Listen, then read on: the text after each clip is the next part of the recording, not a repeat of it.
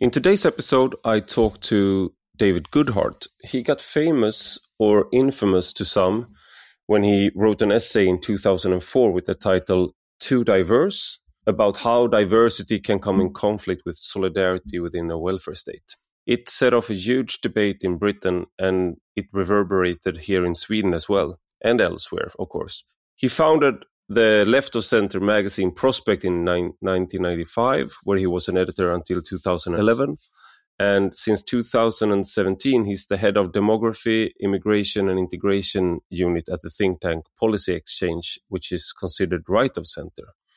So he's made a trip from the left to the right, one could say, but it's it's also apparent if you read his books that he's not left the the left in all respects. Um, his latest book, Head, Hand, Heart, concerns the way in which cognitive labor has received most of the economic rewards during the last decades, and also most of the status.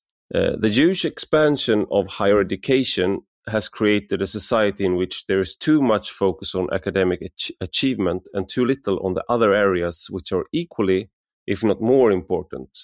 And we saw that during the pandemic when we were very uh, very keen on praising nurses and doctors and uh, and care workers but not increasing their pay. So we, we place a large value on it but not status and not economic rewards to the extent that we do with uh, the cognitive labor. So the hand and the heart are obviously metaphors, but they correspond to sectors of the job market that are still there, but somehow tends to be looked down on or forgotten when we look into the future and imagine how what jobs are necessary to bring us into that future. And Head, Hand, Heart is a follow up on his book, on the book he wrote before that, which had the title The Road to Somewhere, which had more to do with how different people relate to openness, borders, their identity, rootedness, traditions. Uh, and many have by now heard the dichotomy anywhere, anywheres versus somewheres, which David Goodhart coined. The anywheres tend to be focused on the head, and the somewheres tend to work more with the hand and the heart to mix the two books together a little bit. Uh, and we talk about this, and uh, also about his forthcoming book, which will be the third installment of this trilogy. And the, the preliminary title is Who Cares? It will take off where Head, Hand, Heart left the reader, and it will focus on care workers and the care sector and why we need to place more value on it and uh, increase the status of those jobs. And uh, I highly recommend reading David Goodhart's books if you haven't already. Uh, he's been a, an influence on my thinking for a long time, at least. Uh, I would say that he has an almost absolute pitch for noticing changes in society and in people's attitudes. Anyway, now for today's guest. You're listening to Rak Höger with me, Ivar Arpi.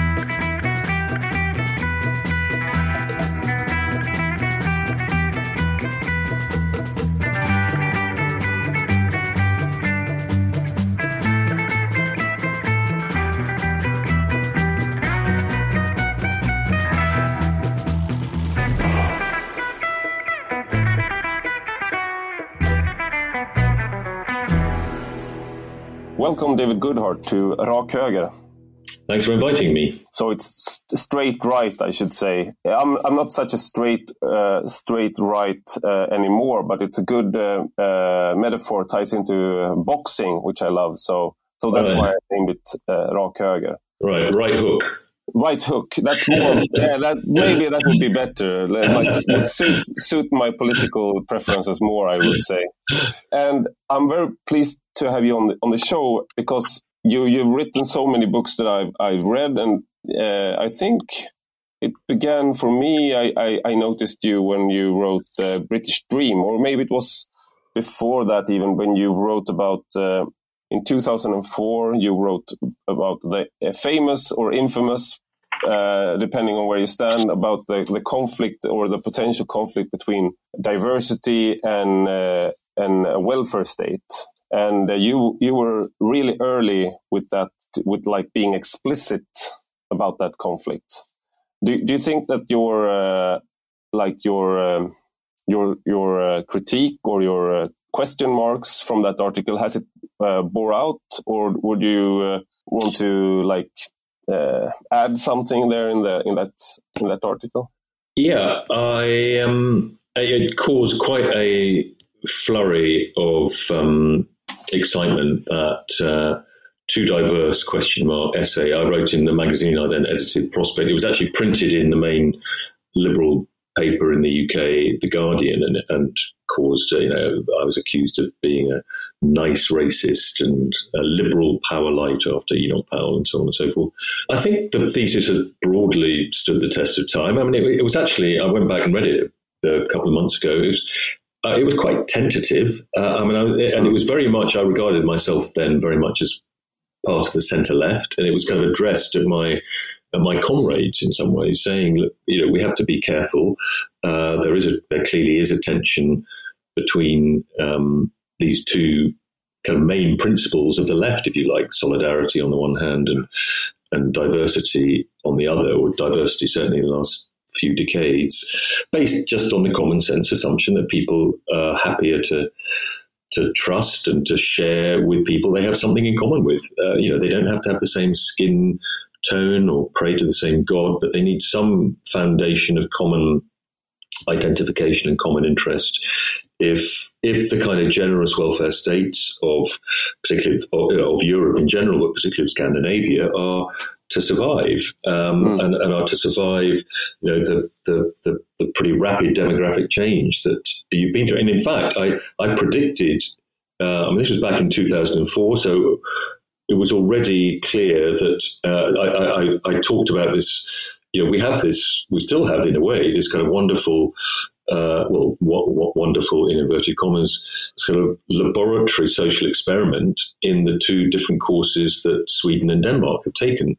I mean, I was saying, you know, watch these two countries because it was already clear in 2004 that you'd taken very, you, you had you go back 10 years before, kind of the early 90s, you know, you were both still very ethnically homogeneous, very um, egalitarian, uh, very um, you know, high levels of redistribution, sort of classical Scandinavian states. Uh, you, you, both countries had, uh, had started accepting by your historic standards, quite high levels of immigration. Um, and it was, you know, but but the Danes, you know, ten years later, I mean, in the course of the nineties and the early 2000s, the Danes, you know, came to the conclusion they really didn't. They, you know, they wanted to remain kind of traditional Danes um, and move to a very much more restrictive policy on immigration and a very uh, and a kind of anti-multiculturalism policy, essentially, a very integrationist approach um, to absorbing people into the society. Uh, while Sweden took exactly the opposite course. You had a very, very much more open door to immigration and a very sort of separate but equal liberal multiculturalist ideology. Um, and, you know, whatever it is, you know, 18 years on from that, uh, I think, well, I think it's fair to say and this applies to everywhere too, the welfare state has its own kind of enlightened self-interest, its own in, in, its own dynamic, its own vested interests.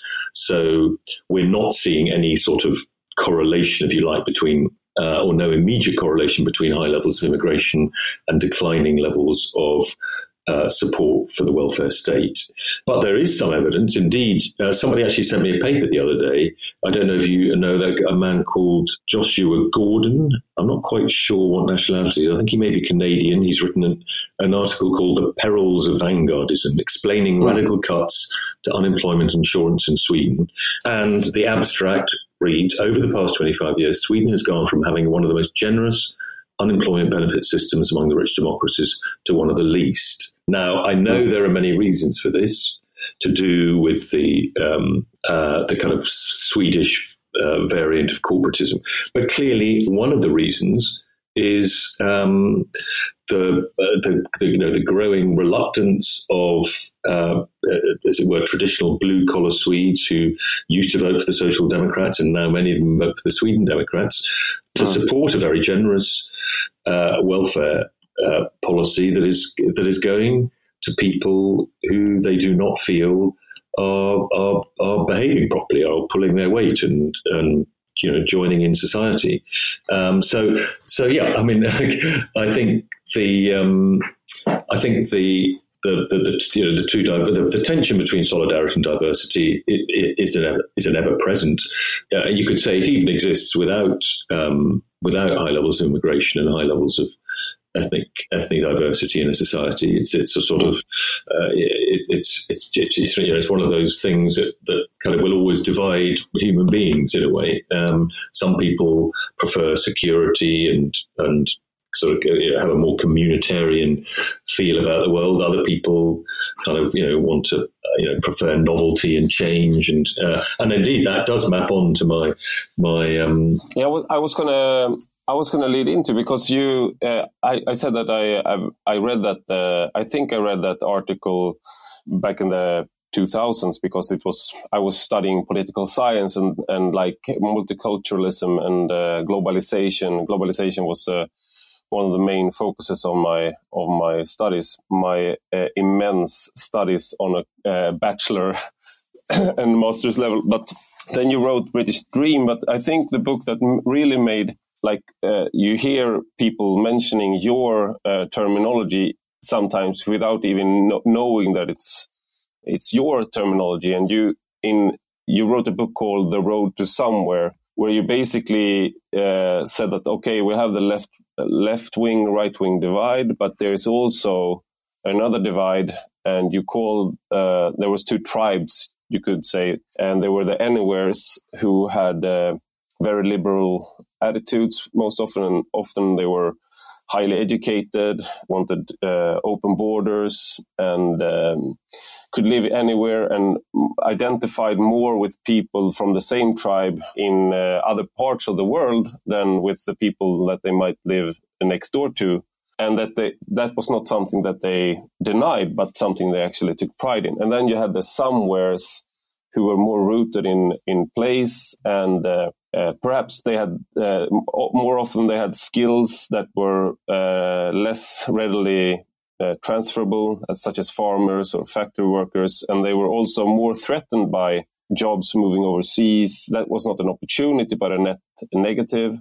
And uh, I, I, hope I'm not doing uh, uh, injustice to your uh, dichotomy here, but so so that book where you did that, I, I think that was a very useful terminology, and that was also something that led to a great discussion when that came out, and uh, it still it still is something that is being widely discussed. I would say. Uh, how, how have you like? Did did I do justice to your uh, your terminology, or uh, do you want to?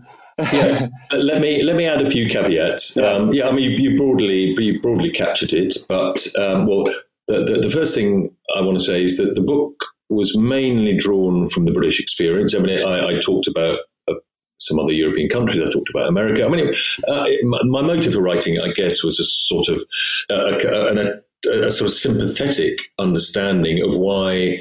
Um, that was true of the British dream too. In some ways, the the, the book I wrote about uh, race and immigration and multiculturalism uh, in, in, Britain. It was partly a history, partly an analysis, what was working, what wasn't working.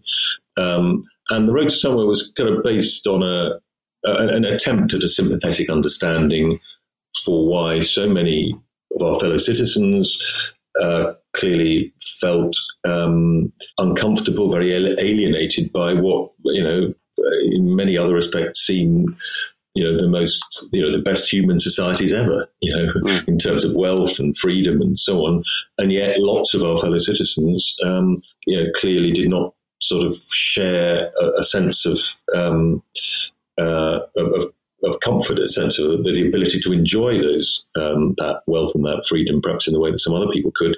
And while obviously, you know, the old class divides, the equality, left-right issues that haven't disappeared completely, it was clear to me that uh, you know these new, edu- as you say, education-based value divides, partly relating to the creation of mass higher education systems uh, with increasing numbers, you know, rising from when I went to university, what, 8, 10% of school leavers went to university. And now in Britain and in Sweden, it's more like 50 or even more percent. Um, and um, this has created a, a, kind of new set of value divides, which you might say have always been there in, to some extent, but have have kind of, have become far more visible and far more um, um, significant in in political divides, political alienation, and uh, I mean that you know I I actually started writing the book uh, in, in in 2016, just before the Brexit vote, and I finished writing it just after the vote for Trump. Um, mm. So I think one of the reasons the book did well was because I was one of the first books. To, it was published in what, March or April 2017. It was one of the first books to come along with a sort of general explanation through those two labels um, of, uh, of. It was uh, it was the British um, equivalent of. Uh, Hillbilly Elegy by J.D. Vance. A very yeah. different book yeah, yeah, uh, yeah, by a very different author. Exactly. Uh, I, didn't have the uh, direct experience that, that J.D. No. Vance had. But, um, uh, but, but I mean, just a, a, couple of things I always uh, like to say very briefly is that um, I invented the labels, but I didn't invent the value divides and the value groups. I spent a lot of time with my nose in the British social attitude surveys and various opinion and attitude um, polling work and surveys, and these divides really are there. They're not as binary as the kind of anywhere somewhere divide makes them sound. There are lots of different kinds of anywheres, lots of different kinds of somewheres. There's also a big um, in betweener group, uh, mm. but we're talking about. I mean, these are obviously these are kind of heuristics. They're, they're, they're these are labels that sort of help you understand reality. Um, um, I, I, was just one one of my um, criticisms of of the uh, the the dichotomy is uh, I'll, I'll, I'll use an example from my own life because I just moved uh, from uh, uh, Uppsala out to the countryside, and we live in the it's a no no man's land. Basically, it's like three kilometers to the closest neighbor, but there's a it's a farm, and there we rent it, and so it was two empty houses, and we filled my family moved to one house and then recently just this summer we got new neighbors in the other house. So we live very close by and then there are no neighbors for kilometers and there's just dirt roads and no electrical lights. So you can see all the stars and the aurora the northern lights uh, during the winter and stuff like that. But the the the man we rent from he's the fifth generation on his farm. So after four generations or the fifth generation, they finally got their hands on the neighboring farm and all their land and they bought it. So he's, he, he, they finally, like, they had patience to stay there for five generations and now they own most of the land around there.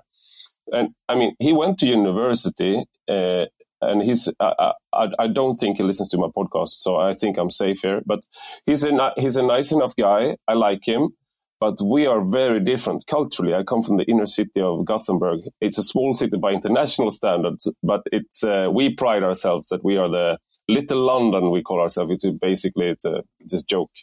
Uh, but so culturally, we, we are very different. Uh, he works in the forest. He works with his hands. He has huge machines. He's he's much richer than I am, uh, but he doesn't look richer. And he's not part of the commentariat the, the way I am. So, and he didn't read any courses on sociology and uh, queer theory like I did. But the neighbors who moved in, they are they moved straight from Dubai. Uh, they lived there for six years. They're highly educated professionals, uh, and uh, they just got uh, very well-paying jobs here in Sweden. And they decide, like, well, let's try out the Swedish experience. And uh, we are very similar culturally, but she's the woman is from Singapore the guys from uh, Britain, and they had people over, and there was a guy from South Africa and a, and a woman from Lebanon, and we were sitting out sharing a, a, a beer and uh, like in the Swedish countryside, and it felt like we were part of the same culture, we were part of the same tribe. But yet, I, I would say that people would place me in the somewhere camps when it comes to my values. Like I'm, a, I'm most definitely of the some in the somewhere camp in the political spectrum. Yeah, I mean, so I gonna, how, how, how, can I be explained from that? I was going to say, you know, I, think one of the, one of the reasons the book did quite well is it has a kind of parlor game aspect aspect to mm. it. You know, am I in anywhere? Am I somewhere? Am, am yeah, I yeah. in between? But the truth is, you know, these are aggregates. Um, um, and and you know human lives are maybe too complicated to fit neatly into these categories. I mean, some do, um, but many of us are kind of are kind of odd, odd, mixtures. We may live a life that is very anywhere anywhere-ish, but have beliefs that are somewhere-ish. I mean, you know, it's a, like you know, like with social class. I mean, lots of people you know, most of the leaders of left wing movements have often been from middle or even upper class backgrounds. I mean, you know, mm. you don't have to believe in the in the beliefs that, that of the kind of group that you belong to, whether it's a class group or a value group or whatever. Anyway, but I mean, uh, the point is, it is, it's, um, I mean, you're, I was going to sort of caveat somewhat your your definition of anywhere sounded like the kind of hyper anywheres, the kind of more extreme anywheres, the people who do live in airport lounges and and have friends all over the world. I mean, that but actually the anywhere that you know there are as it were more mainstream anywheres who just tend to be the more liberally minded, the kind of liberal grad, the mainstream liberal graduates of Britain or Sweden um, mm. who are not particularly don't have, you know, don't have particularly jet setting lives, but who tend to believe in the virtues of, of mobility, uh, but often because certainly in the UK and I think to some extent in Sweden too, a, a lot of uh, a lot of people who do well at school. Um, you know, and go to university at the age of 18 or 19 often leave home. They leave the place where they grew up, where they where they went to school, and they go to Gothenburg or Uppsala or wherever it is, and they join a whole kind of new network of people, um, and that network tends to have views that tend to be quite liberal. They're in favour, as I say, of mobility, partly because they've experienced it themselves. It seems nat- mobility seems natural to them. You, uh, that they believe in openness, uh, autonomy, um, and actually a um, uh, and and they are a, a very big now a very big chunk, a very probably a minority still in most countries, but a big minority. Um, mm. uh, um, you know, 25, 30% of the population, perhaps even slightly more. Um, and they uh, uh kind of alongside the anywhere, somewhere categorization, I think is a, another useful way of thinking about this and the changes we've experienced, particularly in the last 20 or 30 years in most European countries, is the uh, Talcott Parsons idea of um, a sociologist. Yeah, um, one of the most him. one of the most boring sociologists who ever wrote. he, he, he, was trying to produce like a sort of chemistry books of sociology. They were enormous tomes. Uh, he wanted a sort of science of society. I mean, it was um, it was a hopeless project. Uh, but he did come up with this one good idea, which is uh, thinking about human identity on a spectrum between achieved identities and ascribed identities. Now we all have, we're all on a spectrum. We all have some combination of the two. Um, I mean, the ascribed identity is the things about you that you can't change. You know, you are a white male Swede um, uh, you know, whatever. Um, um, but uh, um, people with so so educated people tend to have um, more their sense of themselves comes more from their achievements. They tend to have more achieved identities. So they've done well at school, they've gone to good universities, they have high status professional jobs. So their sense of themselves comes from their own achievements, and uh, that gives them a sort of um, that gives them a, a, kind of autonomy. Their, their their identity is kind of protected. It means they can. It, it, it, makes them, even if they think they're very left wing, it often makes them quite individualistic in a way, and they can fit in anywhere because their sense of themselves comes from their own sort of inner resources, if you like, and it means that they don't understand the people I call the, some, the somewheres, because somewheres tend to have a much higher degree of ascribed identity in the sense of themselves. Um, and if you have an, a mainly ascribed identity, you know, in, you're, you're a British, you're a a British man from working class man from the northeast of England. You speak with a certain accent of that area, etc., etc. Uh, you know, if your sense of yourself is comes from a particular place and a particular group, then your identity is much more susceptible to being disturbed and discomforted by rapid change because yeah. it sort of um, you know it makes it, it, it breaks up your sense of yourself in some way um, and I think this is this is of course one of the huge divides um, but you know the, the, the, the my anywhere somewhere distinction is trying to uh, to understand, to, to grapple yeah. with, and it's kind of one of the one of the, the sort of liberal authoritarian divides, the kind of liberal populist divides. I mean, but also, by the way, I should should also caveat uh, this by saying both the anywhere worldview that, that, that, that, tends to stress mobility, openness, autonomy, comfortable with change, and so on, and the somewhere worldview, much more based on um, security, familiarity, t- tends to be um, more uncomfortable about change, and obviously some ways tend to be less well educated. I mean, there are some somewhere graduates, but most graduates tend to be anywheres. Um, yeah. These both of these worldviews are perfectly good and decent, at least in their mainstream form. I mean, obviously you get mm. extreme somewheres, you know, who verge into the into kind of the, the xenophobic and the uh, the, as it were, the over-rooted people, you might say. Uh, and you get the kind of extreme anywheres, the other end, the people we were talking about earlier who live in who live in uh, who you know don't want to pay their taxes, who live in airport lounges and are disconnected. And um, that, but the, the, problem is is that um, the reason why these categories are relevant to, to politics is that one of the categories has been far too dominant in our politics and it created a reaction. And I think for all sorts of reasons, uh, you know, anywhere politicians of centre left and centre right. Um, they, they, you know, this is one of the reasons why people voted for Brexit in 2016 in Britain is because they the, the somewhere voice in British politics had been far too weak. It's not non-existent, but just you know the anywhere, the minority anywhere voice had come to dominate politics, as of course it does in most rich countries, including Sweden. And um, that then you know that you know democracy, you know, it almost you know, it, looks for a new balance. You know, the, the system had got out of kilter the system had gone out of balance. Um, so, I mean, just to you know, so the, I mean, too much of, of, of, politics and economics. The political economy of the UK was based far too much around anywhere interests. So, you know, what is the, the growth model of the, the sort of business model for UK PLC is essentially professional and financial services based in London and the southeast of England.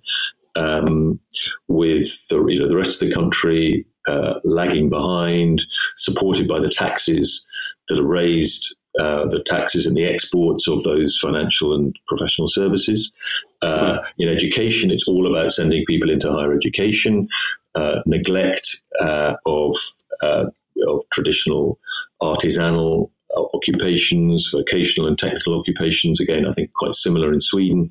Um, and, you, and, this leads in, into your um, your the book that came after the Head, Hand, Heart, which is uh, it was a natural follow up to uh, uh, the road to somewhere, uh, where you basically argue you use a, a slightly different uh, terminology, but that the the head, uh, which is the cognitive cognitive uh, um, professions and um, like highly skilled um, academics professionals they that that the most of the power had ended up there, and uh, many of the much of the pride that was in the uh, jobs that had to do with the hands, which is of course it's easy to understand most of the industry, manufacturing, and um, basically people who who work with their hands and and the heart, which is the care profession.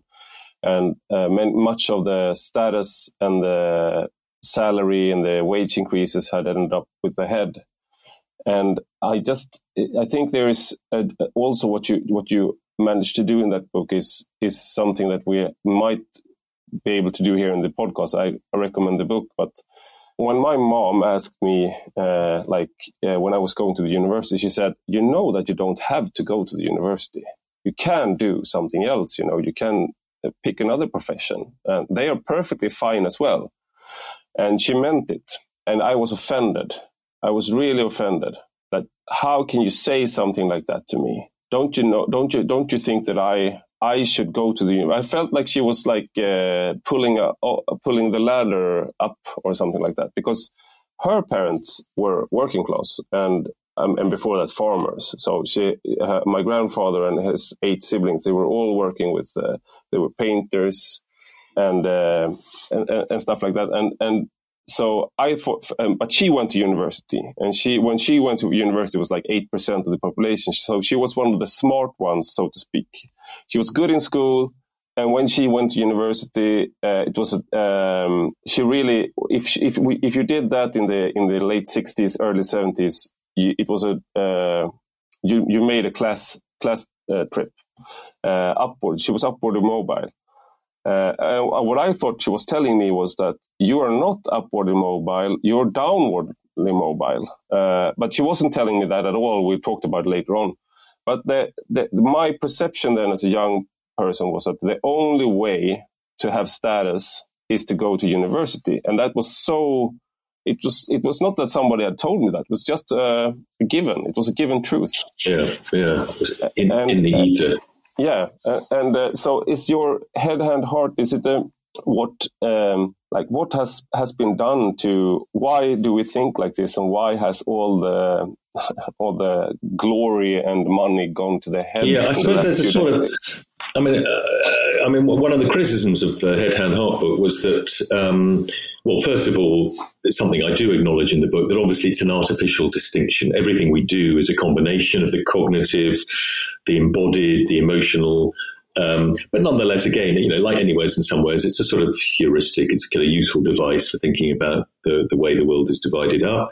Um, and and you could say another criticism was, but the world has always been divided up like this. The, the, the you know the cognitive aspect of life has always had that status and you know go back to Plato. You know go back three thousand years, the origins of modern philosophy, Christianity, um, mm. with its with its kind of focus on the on the abstract, the the spirit, the the corruption of the flesh. I mean, you know, a, lot of these a lot of these ideas, I think, are kind of deeply embodied in human culture.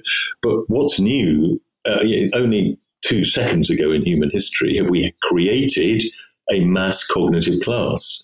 Um, literally, in the last few decades, for the first time ever, uh, we've had um, uh, you know, a, a, very large proportion of you know young people going through you know, long periods of academic study and entering into uh, occupations which broadly require kind of analytical intelligence and so on. Um, uh, and it's that that is that, that is new, and that perhaps the a, a, lot of the people doing these cognitive jobs now, um, a lot of the kids who go to university are no brighter. They don't have higher IQs uh, than the people who don't go to university and aren't doing analytical jobs. I mean, you know, we've um, uh, you know the um, you know, the, there is a bell curve. uh, there is an IQ bell curve. You know, your mother um, was no doubt quite a long way along the, you know, the upper end of the, the, the, bell curve. And there was a there was a time when fewer people went to university when um, when you know you could guarantee that almost that the people uh, from whatever social class background you know were going to be sort of top scholars.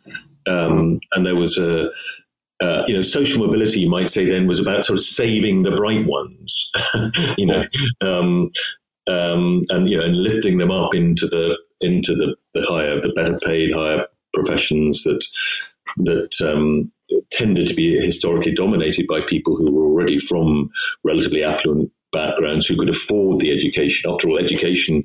Somebody pointed out the other day, actually, that the, the I mean, I'm just about a baby boomer. I mean, I was born in 1956. So I'm just about baby boom generation. The, the kind of European baby boomers' parents barely. I mean, most of our parents um, didn't go to secondary. Didn't didn't even really go to secondary school. I mean, perhaps people a bit older than me whose parents would have been growing up in the 30s or 40s. I mean, pe- people. I mean, there's been pretty universal primary education since the late 19th century in most of yeah. most European countries. Even, even secondary education. My grandmother, on my my mother's mother, was yeah. the first one to go yeah, to secondary education in in her. Uh, so in her some, somebody uh, uh, not much older than me, their their parents were quite likely not to have finished or, or, had a proper secondary education in the sense that we would know it now. Mm. And their children uh, are half of them, or even more than half of them, are going to be at university. So, you know, we've been a very, very short, within a span of three generations, we've gone from um, um, from very, very low levels of sort of uh, uh, cognitive qualifications were not were not a big deal at all. Uh, I mean, most people in Britain left school in the 1970s with no qualifications. Uh, as late as the 19, mid 1990s, more than half of the highest social, the professional and managerial class in our sort of seven or eight, the occupational, um, I don't mean the kind of class as in culture and accent and private schools and that, but the kind of, the kind of more objective occupational categorization. The highest, the very highest class, uh, about you know five, ten percent of the population, half of them did not have degrees still as recently as twenty five years ago, thirty years mm. ago. Um, so it's a very, very if you say that now, you, you could it, sometimes you you get the impression because I've been arguing that most of what I read in, in at university uh, was uh, bullshit uh, first and foremost, and then also that many of many of the other texts I read, I could have read on my free time, and I actually did. I, I because I took breaks and I, I kept reading the curriculum when I was working in the factories in in Denmark for a while uh, for for uh, some reason, and uh, I, I, had like a book with me in the, my back pocket, and I read on like I read Samuel P. Huntington while I was working in the steel factory, and it, it was no. I did. I, I, read it as seriously as I, I would. I read more when I was not at university than I did when I was at the university.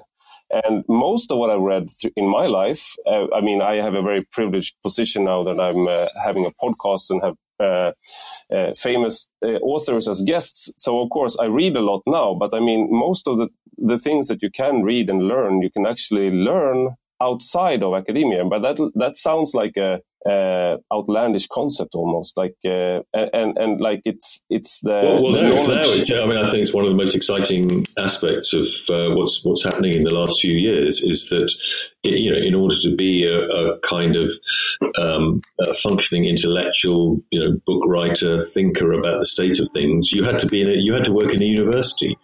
Uh, yeah. until and now, you know, we have this whole new uh, ecology of uh, of podcasts and Substack, and you know, you get all you know people like Sam Harris and, and Andrew Sullivan in America, and uh, and you know, and you and um, and Matthew Goodwin in Britain, Matthew and, Goodwin, uh, uh, and you know, you don't have to. I mean, and this is, you know, the most interesting thinking uh, is invariably not having happening in universities these days.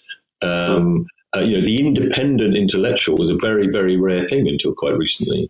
Uh, and you, you basically only people who uh, happen to be, uh, you know, very capable intellectuals who happen to come from moneyed backgrounds. Um, people like the famous Marxist Perry Anderson uh, was an unusual example. um, yeah.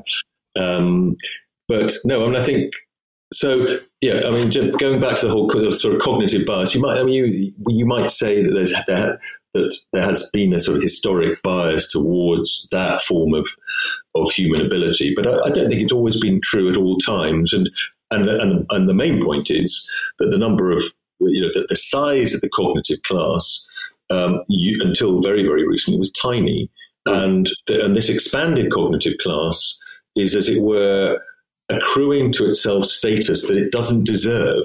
Now, of course, the very, the very, you know, the present, I don't company, want to come across present company excluded then because we deserve well, everything. Yeah, I don't want to come across as anti cognitive, anti head, anti intellectual. Of course, I'm not. I mean, we need uh, brilliant people more than ever before. You know, to so you know, we're not going to solve the climate uh, climate change problem by changing our lifestyles. Uh, we're going to do it through technology. You know, we need brilliant people to come up with the pandemic vaccines to solve our, our very technical and indeed and indeed other problems.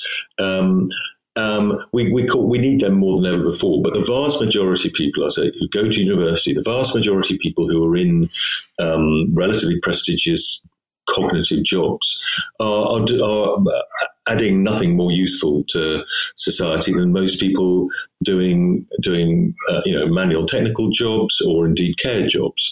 And I think it's that's what we, have got to, as it were, peel away the really useful kind of higher the people that are really contributing to knowledge. The vast majority of people working in in universities, working in in professional jobs, are not contributing to knowledge. And indeed. Um, probably the most original aspect of my book was my my warning about, um, or not, not my warning because I welcome it, that we've reached peak head. Uh, what I mean by that is that you know we the the so-called knowledge economy turns out not to actually need that many knowledge workers.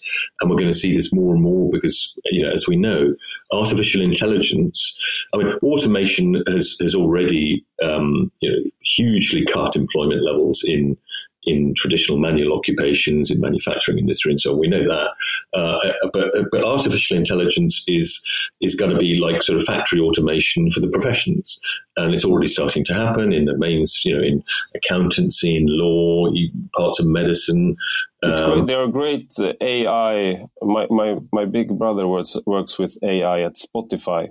Uh, yeah, so so he gave me a, uh, an uh, like an invite to a text generator AI, and it's it's really good. Right, you yeah. actually you even can journalism, you, even yeah, some so, some routine so journalism. Yeah, yeah. So yeah. I, I watched it produce my successor, like like a few generations later. I, I it will uh, I, I will be out of a job. Yeah. Um, so, you know, so peak head means that, um, uh, as I say, you know, the knowledge economy doesn't need so many knowledge workers. Uh, we, we already see that. I mean, half of graduates in Britain are not in graduate employment five years after graduating, even 10 years, I think, in many cases. Um, you've been very, I was just going to say, you've been very critical of your own terminology, but I think yeah, we should also include knowledge economy in that, uh, like to uh, deconstruct that, uh, unpack that one because it's a it's a it's a pitch uh, used by uh, the likes of uh, Tony Blair and Göran Persson, the like social democrats. We were going to educate ourselves to the new society, and we're going to we, we will go from the industrial society to, to the knowledge economy. And if you feel if you feel a certain uh, loss, or uh, if you feel nostalgia, or you feel a loss of status, that's creative destruction uh, towards the knowledge economy. Uh, and what you're saying now is basically that it's not so much a knowledge economy that it, it's not uh, it's not to the extent that it was sold to be.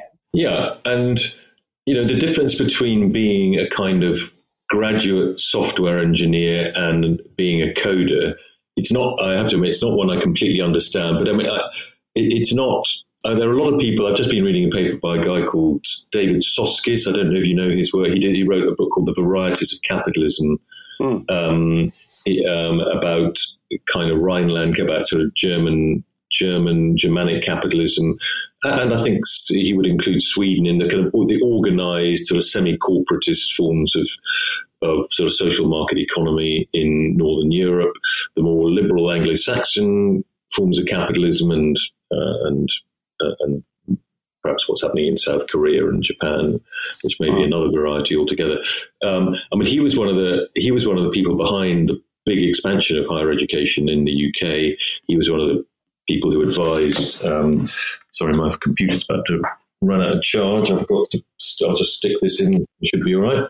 Um, he, he was one of the people who Tony Blair made a famous speech back in 1999 saying we should send half of uh, half of school leavers to university. I'm very, very critical of all that. He's just written a paper which is a kind of mea culpa in that he acknowledges that uh, this education divide has been a huge factor behind current polarization, that, that, it's kind of one of the things behind Brexit and Trump and so on.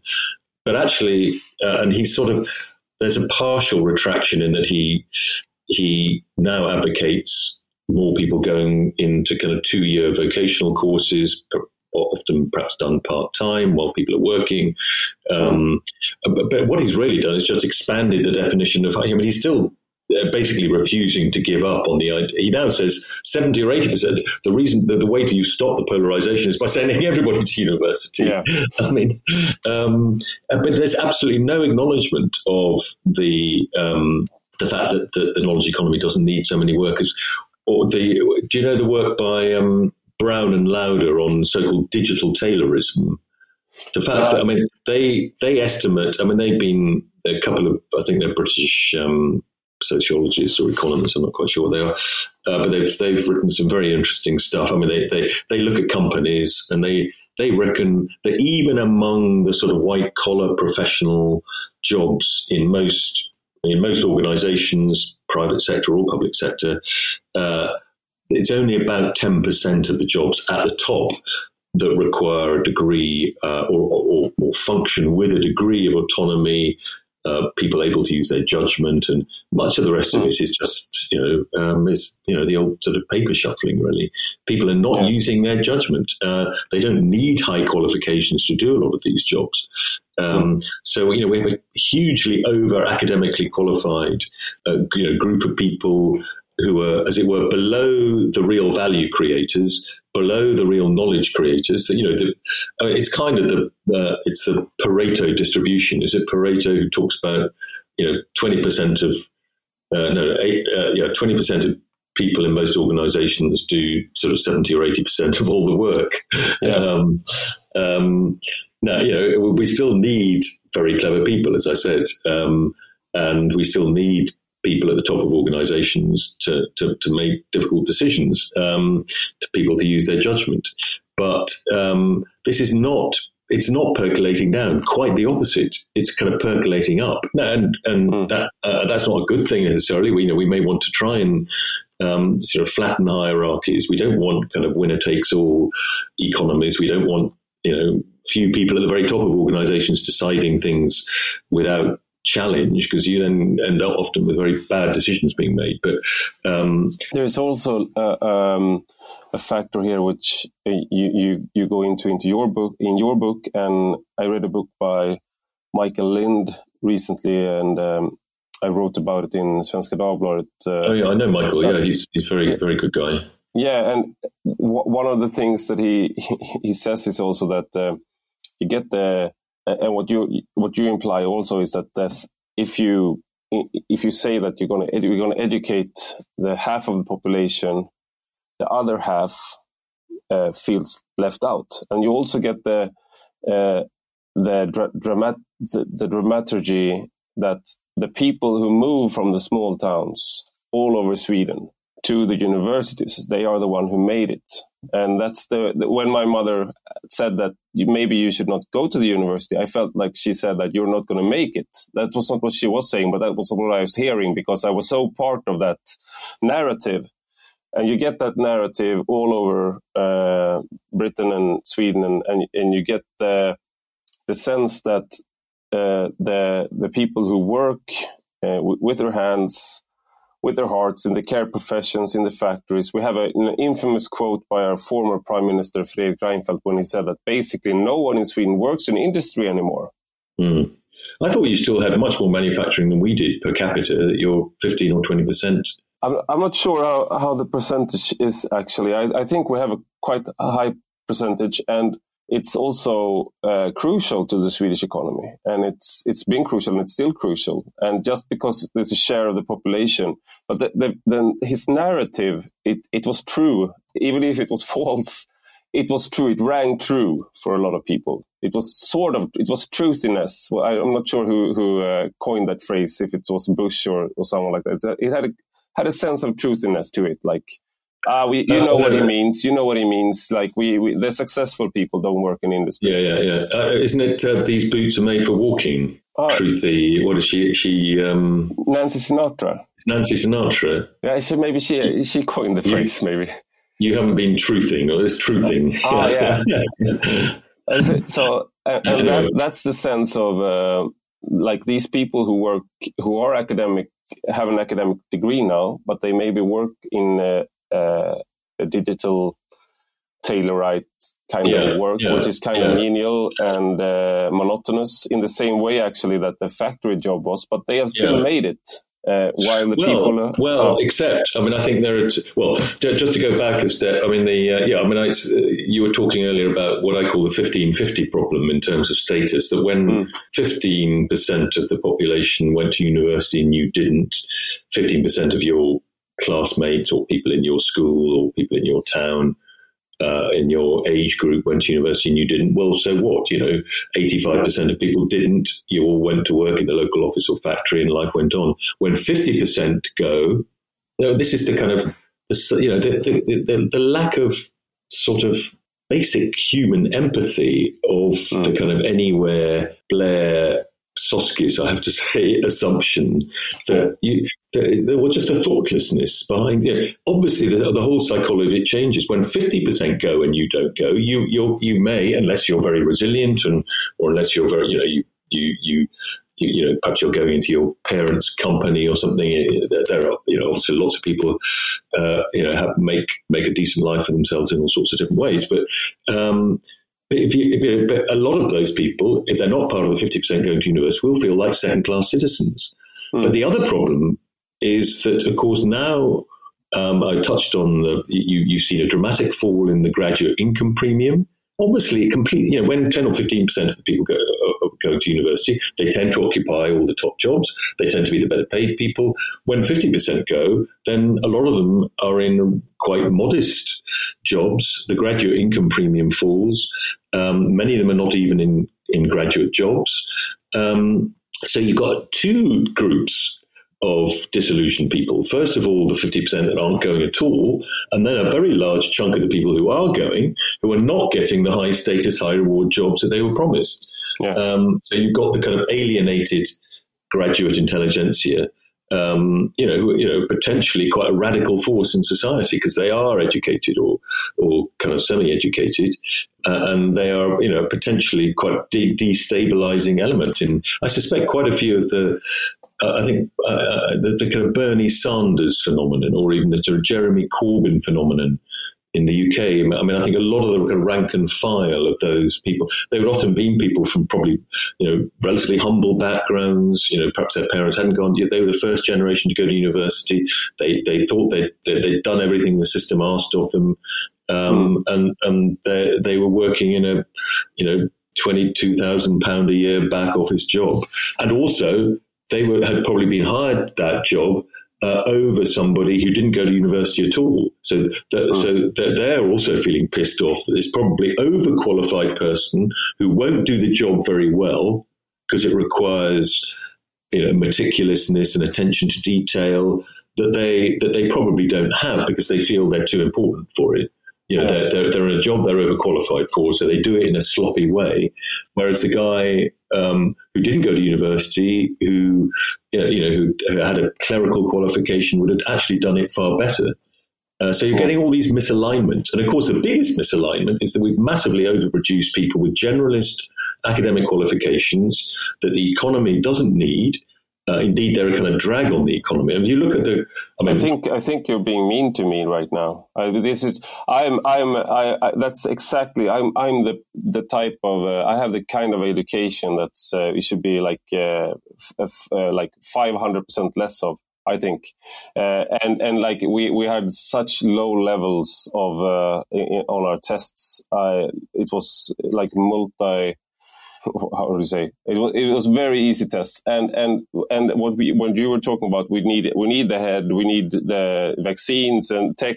But those educations in Sweden at least are not being filled. Uh, like we have uh, the engineering the engineering schools are like they are going out to schools and like pleading with this with the younger uh, with the younger students in the in the high school like to, to please apply you you will have you uh, there's a good job market and and you you will have actual skills but there they go instead and study economy or uh, political science and sociology. And I, I, mean many of these subjects are perfectly fine. It's not nothing against them but yeah. we need we need fewer we need, we need we need people to kind of make, you know our civilization is bound built around some very complicated technology, everything from you know nuclear power stations to the computer that we are communicating on. Yeah. And you know, there's a lot of very complicated kit that needs maintaining. You know, we need mm. you know hundreds of thousands of people to maintain this complicated kit. You don't you don't need to be uh, creative necessarily. You just need to understand how the system works and how to mend it when it breaks. And we're just not producing those people. Uh, we haven't been in Britain for a couple of generations, and I, I suspect it's similar in Sweden. And of course, all of our societies have a recruitment crisis in the care economy or particular corners of the care economy. Of course, everybody wants to be a surgeon or a consultant mm. uh, or even a GP. Um, and of course, you know, you've had a big shift of women into the uh, into the higher paid medical professions, but uh, the sort of, sort of Cinderella care jobs. This is what I'm writing about in my next book. Um, uh, yeah, because you, you're just going to mention that you're you're finishing. If it's a trilogy, trilogy, you could write more books, of course. Uh, but uh, the, you, you, your new book is coming out with the title "Care and Character," which takes up where um, Head, Hand, Heart uh, ends off. Basically, that uh, we, we, and uh, like we have an aging populations, and so we are in dire need of care workers. And yet, the same countries that are getting more, that are graying, we are undervaluing care work, and we're undervaluing it in the public economy, in the home, and something happened. I mean, during the pandemic, we like applauded the the care workers and the the hospital workers, but this is like what okay i'm gonna i'm gonna ask the the proper question first why did you decide that this was this was the book that you were gonna uh, follow up head hand heart with about it was well, okay, uh, well as you said uh, it's sort of third and probably final in a kind of trilogy all of which i suppose is tied together by a kind of critique of contemporary liberal democracy or contemporary liberalism the things that liberalism as uh, sort of doesn't quite uh, understand or, or appreciate in what most people want. So, you know, the kind of anywhere somewhere book was partly about um, the over um, uh, sort of too much enthusiasm about modernization and rapid change and the kind of change that anywheres comfortable with and somewheres are, uh, are uncomfortable with, and, and, a failure to appreciate that on the part of the anywheres who dominate, uh, dominate our society. And then Head Hand Heart was kind of digging deeper into the into the the cognitive class domination story and what's happening what's happening there. The fact that um, uh, it, it, may now be coming to an end. I mean, like a, well, I, like I think I didn't say, but I do sometimes say about Head, Hand, Heart. The title sounds a little bit almost new agey when I started writing it, although it was a kind of, you know, it was kind of snappy title in some ways. I thought, you know, it's a little bit sort of sentimental almost. Um, but actually, the more I kind of looked into it, the more I thought that, that this reallocation, you know, the, the, the allocation of, you know, the allocation of too much reward and prestige to, to the head part of the head, hand, heart. Um, trilogy, it, has got to happen. I mean, so this is a kind of almost you know, historical inevitability that we that we readjust to at least to some extent. You know, of course, as we were just saying, some head jobs will always have and perhaps deserve to have a very special reward and appreciation, but that actually the kind of mainstream cognitive uh, needs to needs to to, to hand back some of the, the status and prestige to, to hand and heart. Uh, and I think that, uh, and I think that is going to happen. And, and, the, and the kind of, uh, and, the, and, the, third of the trilogy is is the way that liberalism liberalism is a very public realm ideology. Um, it's and it kind of doesn't doesn't understand the kind of importance of the hearth, the home, uh, to, to many people. Is where most people get their their, meaning in their lives, get their joy in their lives from uh, you know, watching children grow, you know. Um, my kids and my wife are right now sick uh, and they are uh, puking at home. So I, I would exclude myself. I don't receive any happiness from my heart and home right now. right. I'm quite happy here at the office. Hopefully it'll return. But um, and anyway, so that, and that got me because it also overlaps with the kind of anxieties you were just talking about about not having enough care workers and so on. So actually, the book is going to be called, I think, um, uh, "Who Cares?" question mark. Mm. And of course, as we were just saying, there are lots of parts of the care economy that are very well paid, but it has these Cinderella sectors like elderly care, uh, like uh, looking after disabled people, disabled adults, like looking after young children.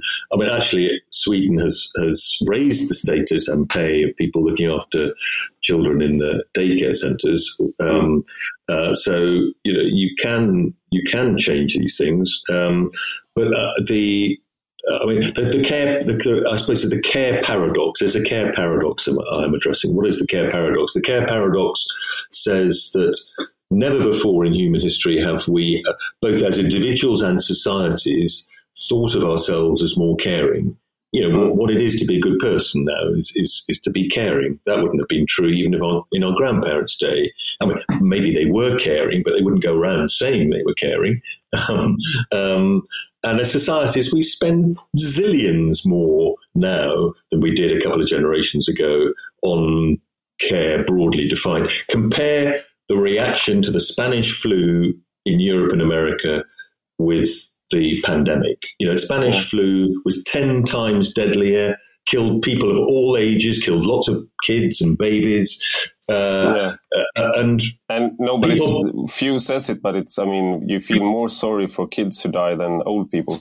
Yeah, so Spanish but, flu was more traumatic in that way. I mean, miles more deadly and, and traumatic and killed millions and millions more people. Yeah. People batted, barely batted an eyelid about mm. it. Admittedly, you know, uh, we were just coming out of the First World War, at least the countries that had been involved in the First World War were just coming yeah. out of the First World War. Um, I mean, it was it was a much more brutal time. Everybody was poorer. People were used to it. people people dying the whole time.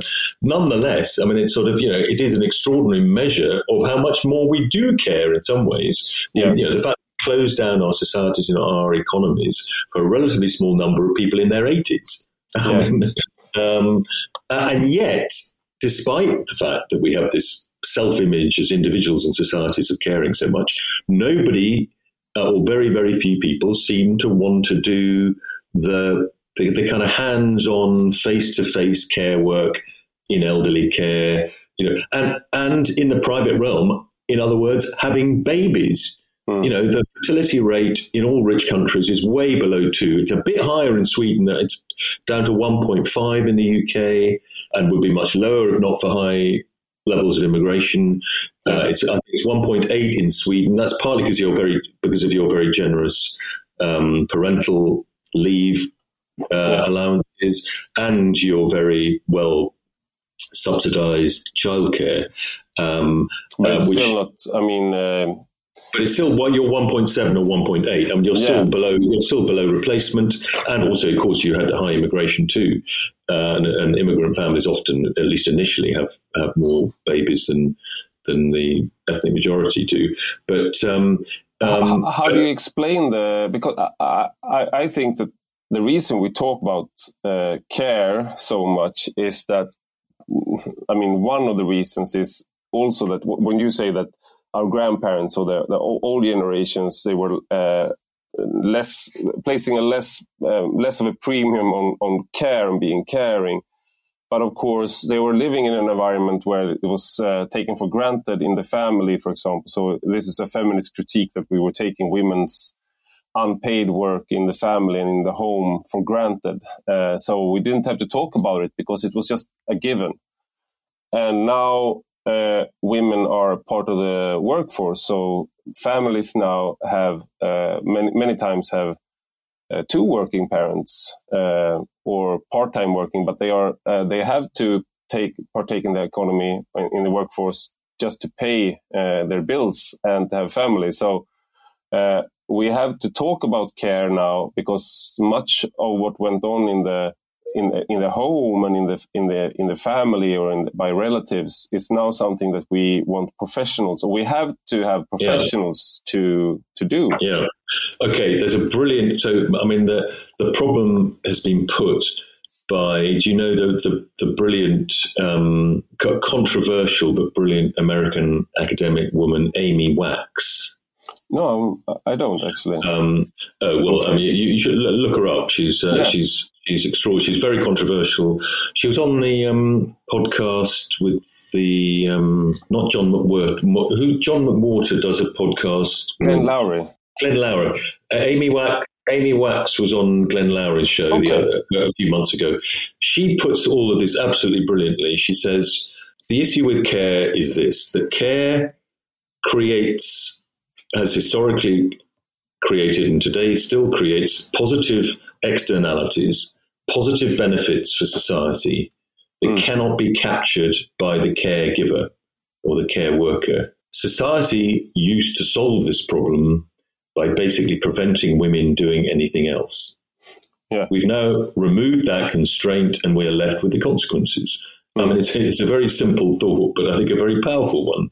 Yeah. I think she she kind of sums up the issue, and and of course, uh, you know, this is where the book gets gets into slightly more controversial waters because, but I think it's undoubtedly true that second wave feminism kind of defined itself partly against the traditional care role for women, against so-called female altruism, um, yeah. and maybe it was necessary.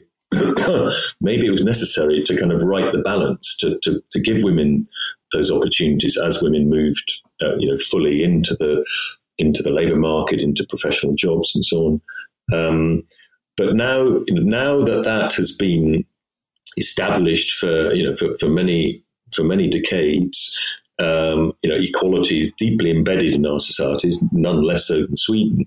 We ought to be able to um, take a more pluralistic view of these issues and and listen perhaps to the very large number of women um, who actually put family before before work, before work in the in the in the external economy, and indeed increasing number of men too.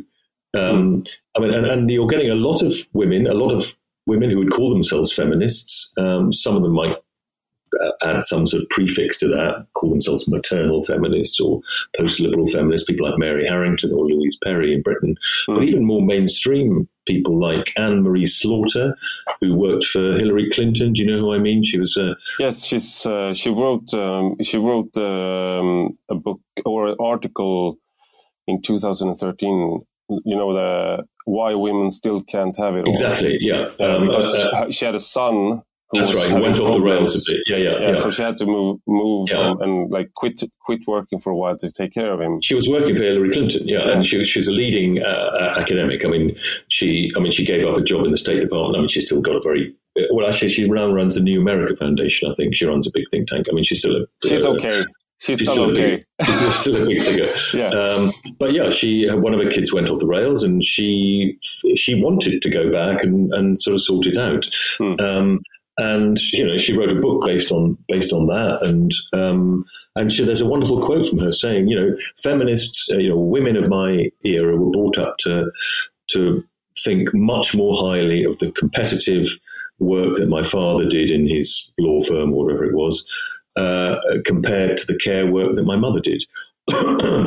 Um, and you know but but you know now you know, we we've kind of we've been through that, um, and there are many women who might still prefer to prioritise the kind of work that her father was doing, but there are also many women who would who would prefer, and men who would prefer to to um, you know who value more highly the the um, the care work that her mother was doing, and we you know our, our public policy arrangements have made it very difficult in in many uh, Western liberal democracies made it very difficult for people to stay at home and look after their own kids when children are preschool. Um, I mean, you know, most people want to, most people want to and have to combine. Most most mothers as well as fathers have to combine work with with raising children. But we, um, many in many of our societies, we, uh, and actually the UK is a particular offender in this respect. All of the focus is on uh, the you know the, as it were the kind of professional woman concerns about about childcare and um, uh, and you know being able to compete equally with with those who don't have um, mm. family responsibilities in in the workplace, which is fair enough.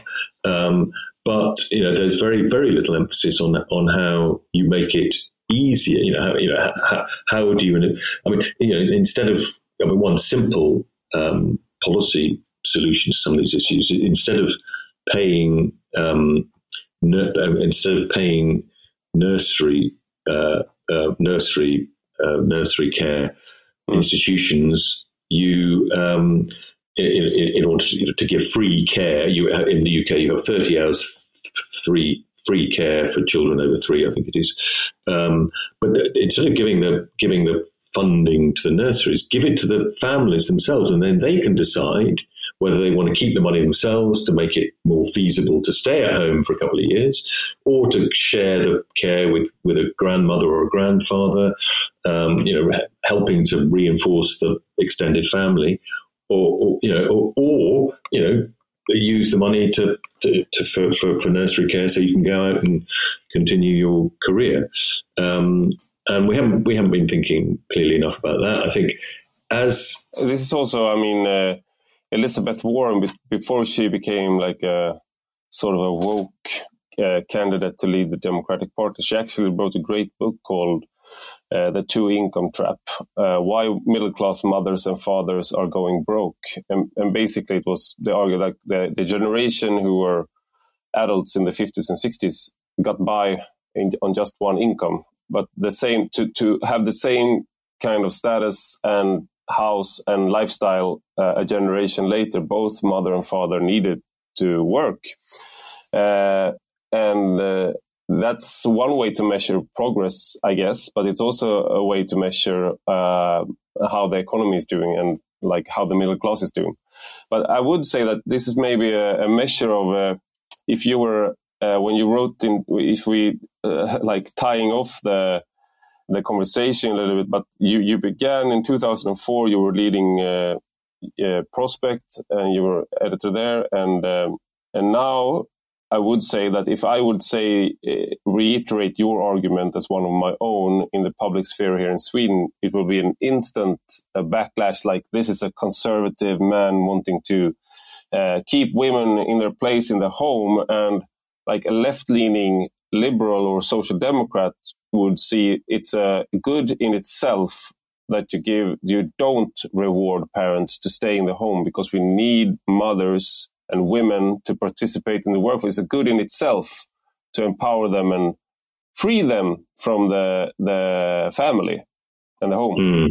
Well, I think this is a classic um, case of putting economic growth before well-being, and doesn't that doesn't that notion of putting economic growth before well-being run completely counter to the uh, to the you know Greta Thunberg sort of environmentalist view of the world, which is also on the side of putting well-being before economic growth. I mean, I think there are ways in which you can make this argument. It's a, it's a common sense argument. Most somewhere people understand it instinctively.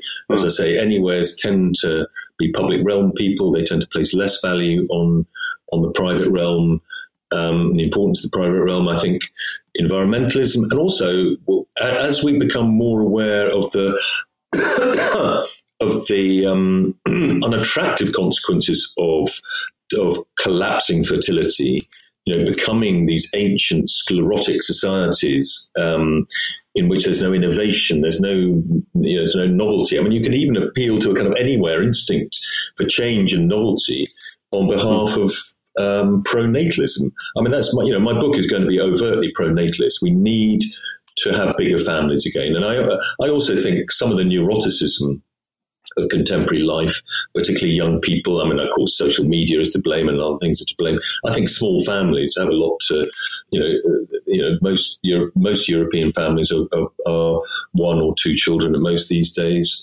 Um, I mean, yeah. you know, it may, it may, be, you know, I'm one of seven children, um, so um, I may be slightly biased towards, but it kind of, you know, it does. What, what's the, the, the, thing that Jordan Peterson is always saying? It's not about you. You know, there's nothing like coming from a big family to, to realize that instinctively from a young age. It's not about you. And it does make you more resilient. And I think, um, and it's one of those things we don't, we kind of don't realize until we've lost it it depends on social norms. You know, having two, three, four kids, um, uh, and, and, when the, when, the, when everybody around you is only having one or two or none, um, that becomes a new norm, and we and we don't realise. Uh, you know, it's kind of this sort of higher and higher and lower pleasures, as it were. Um, it's a sort of higher but very hard to quantify pleasure. You know, the pleasure of watching children grow and, uh, and these things that happen over long periods of time. And the and the dominant dominant ideology of all Western liberal democracies is essentially freedom and autonomy. Um, freedom and autonomy are great things, um, but there's nothing that makes you less free and autonomous than having a six month old baby. Yeah. um, now, it, ha- it has other, you know, harder to quantify joys, but at any given moment in time, freedom and autonomy is going to come before the longer term joy of of having a, having a child or having that extra child. I mean, one of the reasons I, am so pro-natalist is that there's a lot of evidence for a so-called fertility gap. We're having you know, European women are having fewer babies than than they want or that they and their partners want.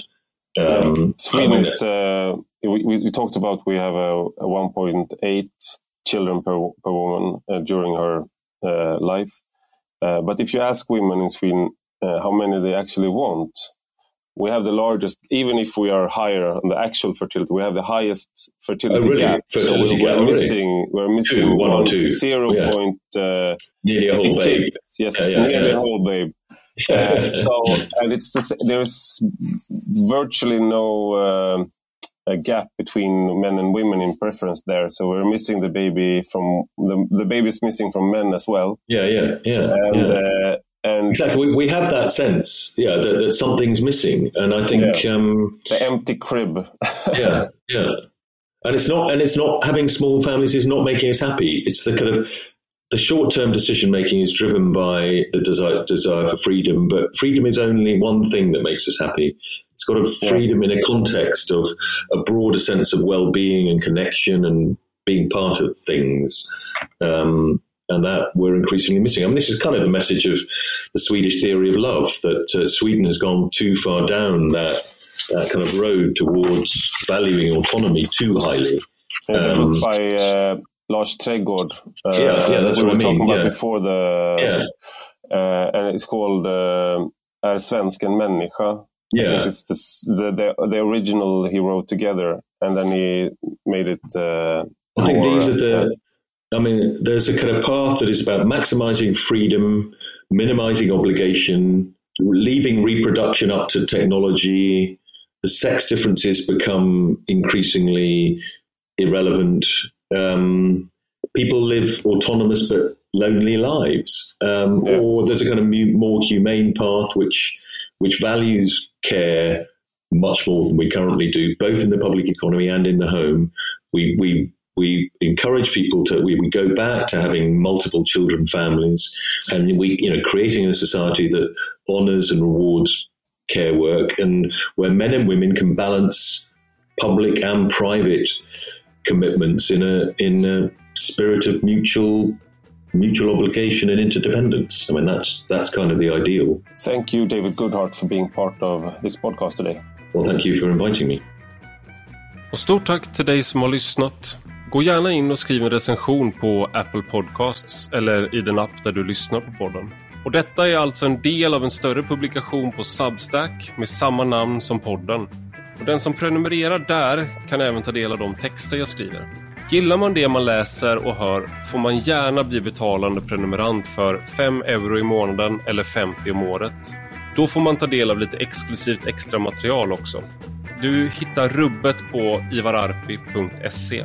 Och har du några frågor eller synpunkter kan du alltid mejla mig på ivararpi substack.com. Vi hörs igen.